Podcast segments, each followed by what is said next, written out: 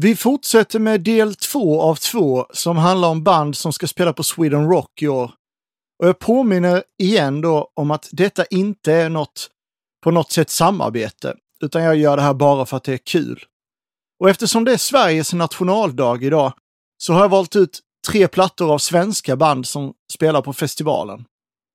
Imorgon öppnar grindarna. Välkommen till avsnitt nummer 16.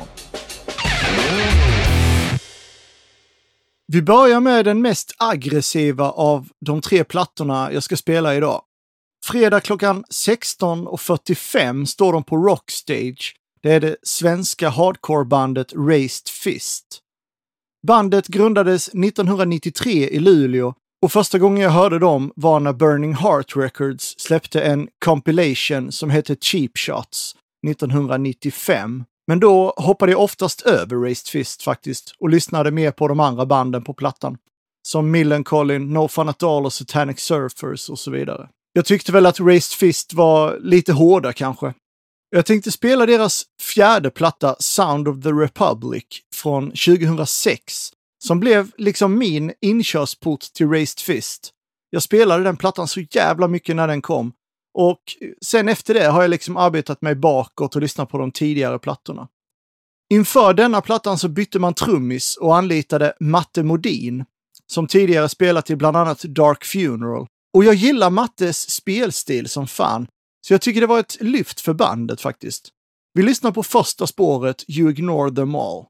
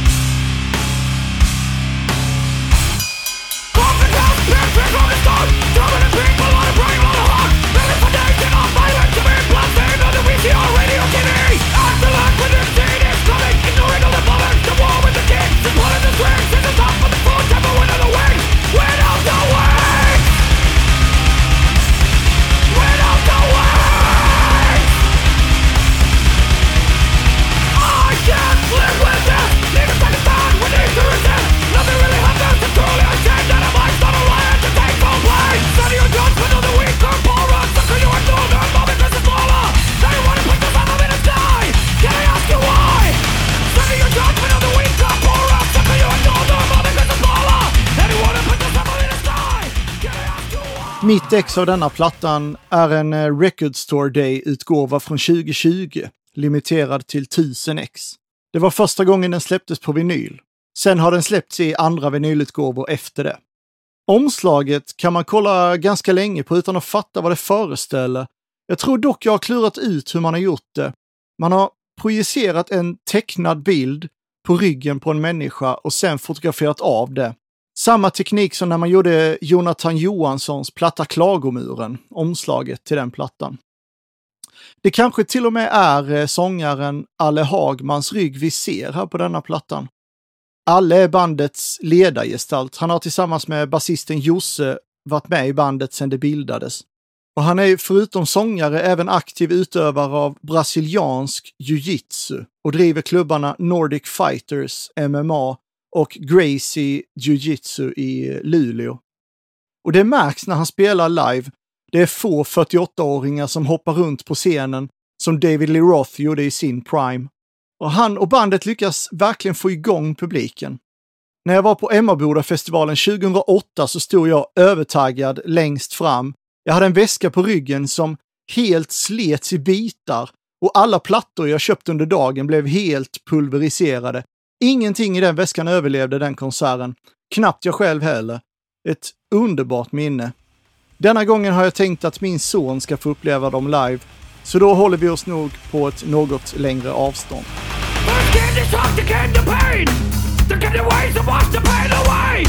Even leave me actively on women perfectly. That even though that they disagree. I feel free to tell everyone about you and me. Stupidity that led in. Prison Sitting here in my locked up living room Trying to find a good TV show to consume But I should my pride aside. Fury rises inside.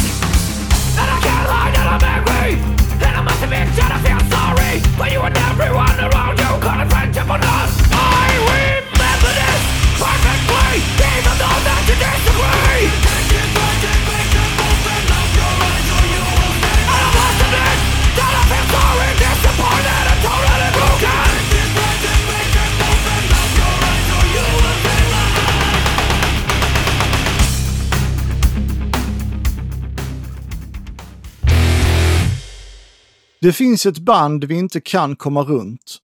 De spelar på lördag klockan 22 på festivalscenen. Många älskar dem, många älskar att hata dem och under en ganska lång tid så älskade många att gissa vilka det var som gömde sig bakom bandmedlemmarnas masker. Jag pratar naturligtvis om Ghost. Jag tänker ta det från början och prata om deras första platta Opus Eponymous som släpptes i oktober 2010 på Lee Dorians bolag Rise Above Records. Mitt ex av plattan är första pressen. Det är en genomskinlig vinyl limiterad till 300x. Och jag minns faktiskt första gången jag hörde denna plattan. Det var precis när den hade släppts och jag kom hem till min kompis Martin som hade förfest och eh, alla där var liksom mitt uppe i en diskussion om vilka fan det kunde vara som låg bakom bandet Ghost. Vi spelade plattan och alla hade olika tankar och idéer. För då var det en förvånansvärt väl dold hemlighet. Vi förstod alla liksom att det var musiker som förmodligen lyssnat på samma musik som vi. Merciful Fate, Black Sabbath, Death Metal och så vidare. Mycket okkultism. Jag gillade plattan jättemycket och beställde den faktiskt redan samma kväll. Ungefär ett halvår senare såg jag dem live första gången och det var på Sweden Rock 2011. Då minns jag att de spelade på en mindre scen och gjorde en relativt kort spelning tror jag. De spelade alla åtta låtarna från plattan plus en cover. Och det var på The Beatles Here Comes the Sun. Denna cover finns på den japanska serieutgåvan. Jag tyckte spelningen var bra som fan, men jag minns att några av mina kompisar blev besvikna. Det skulle ta rätt så ett tag sen innan vi förstod vilka, eller kanske snarare vem det var som låg bakom bandet. Och jag ska återkomma till det snart. Ghost har haft en väldigt genomtänkt image ända sedan starten och har också använt sig mycket av humor i sina låtar och sina framträdanden. Ett bevis på det här med humor ser vi faktiskt redan i plattans intro, Deus Culpa, som egentligen är Gläns över sjö och strand spelad baklänges. Deus Culpa skulle för övrigt kunna översättas ungefär till Guds fel. Och efter introt kommer låten Conclavi Condio. Lucifer.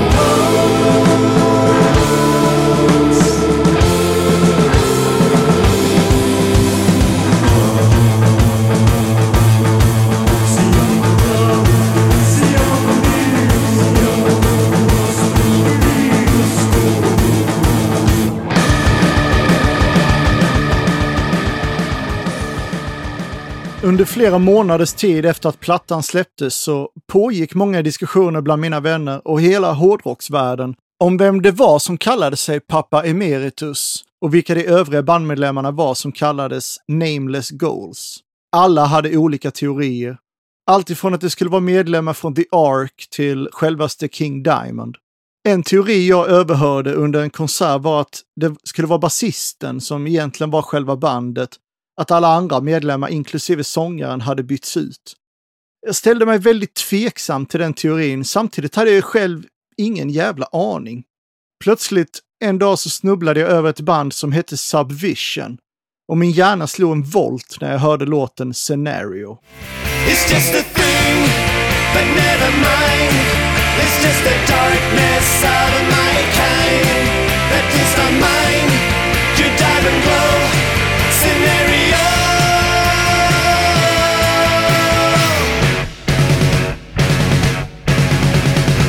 Jag kände igen rösten direkt Och jag tyckte även att en del av arrangemangen lät likt Ghost. Sångaren i Subvision hette Tobias Forge. Och jag varnar inte för några spoilers, för numera är det allmänt känt att det var han.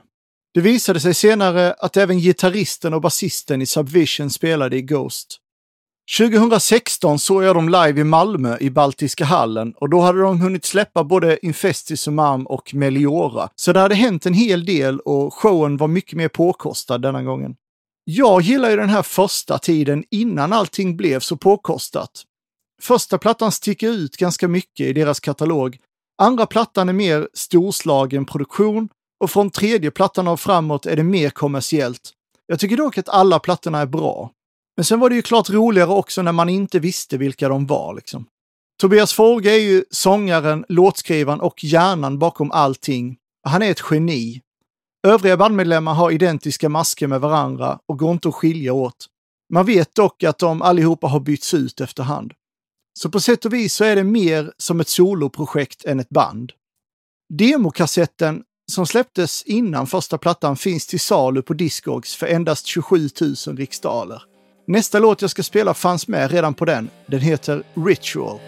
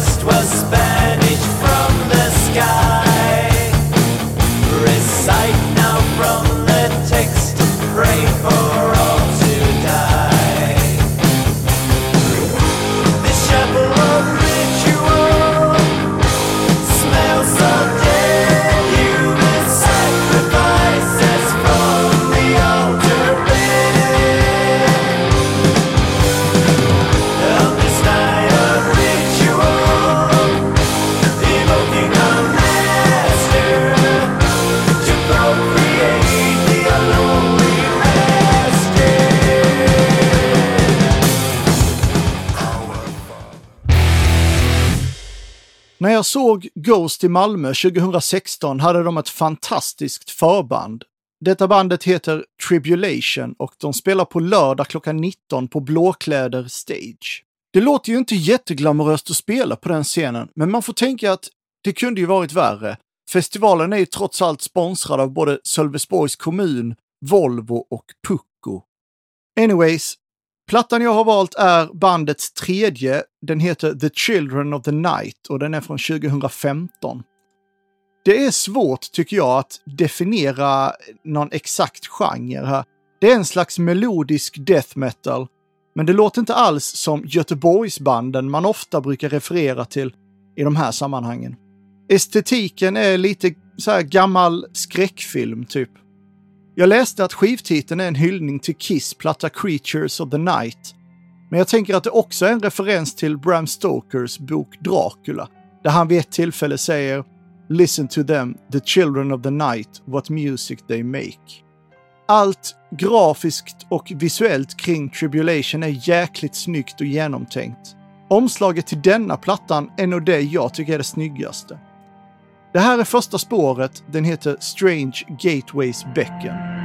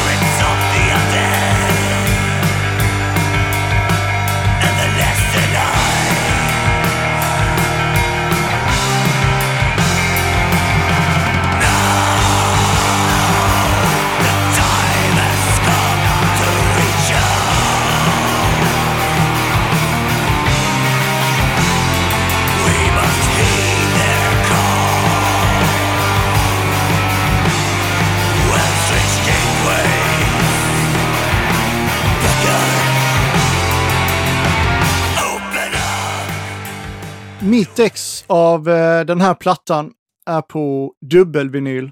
Det är, eh, det, är en sån, det är en etsning på sista sidan, så den är tresidig. Och så är omslaget pressat på lite så här grövre matt papper. Bilden till omslaget bygger på en stillbild ifrån en eh, fransk skräckfilm från 1915 som heter Le Vampire. Den är jäkligt snygg. På baksidan står alla låtarna så är det grafiskt jättesnyggt upplagt. Och så får man en booklet till också. Och i den så är alla låttexterna. Den är, den är svartvit. Den är jättesnygg. Och olika så symboler och lite sånt i den. Jag såg Tribulation första gången 2013 när de hade släppt andra plattan, Formulas of Death. De spelade på Biljardkompaniet i Kristianstad då, tillsammans med två andra band, Necrovation och Kloss. Jag minns det som en bra spelning, men jag tycker nog de varit ännu bättre live på senare tid faktiskt. Nästa låt, Melancholia, har jäkligt schyssta gitarrmelodier.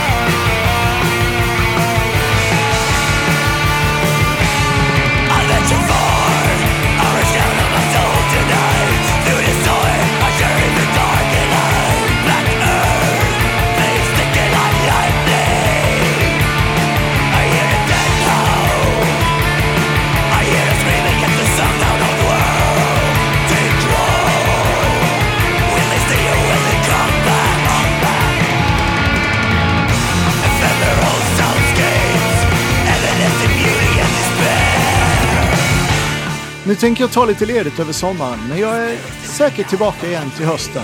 Vi får väl se. Om du följer den här podden så får du i så fall en notis när nästa avsnitt kommer. Jag kommer lägga ut på Instagram också. Ha en riktigt bra sommar och framförallt ha riktigt kul på Sweden Rock om du är där. Tack för att du har lyssnat. Hej!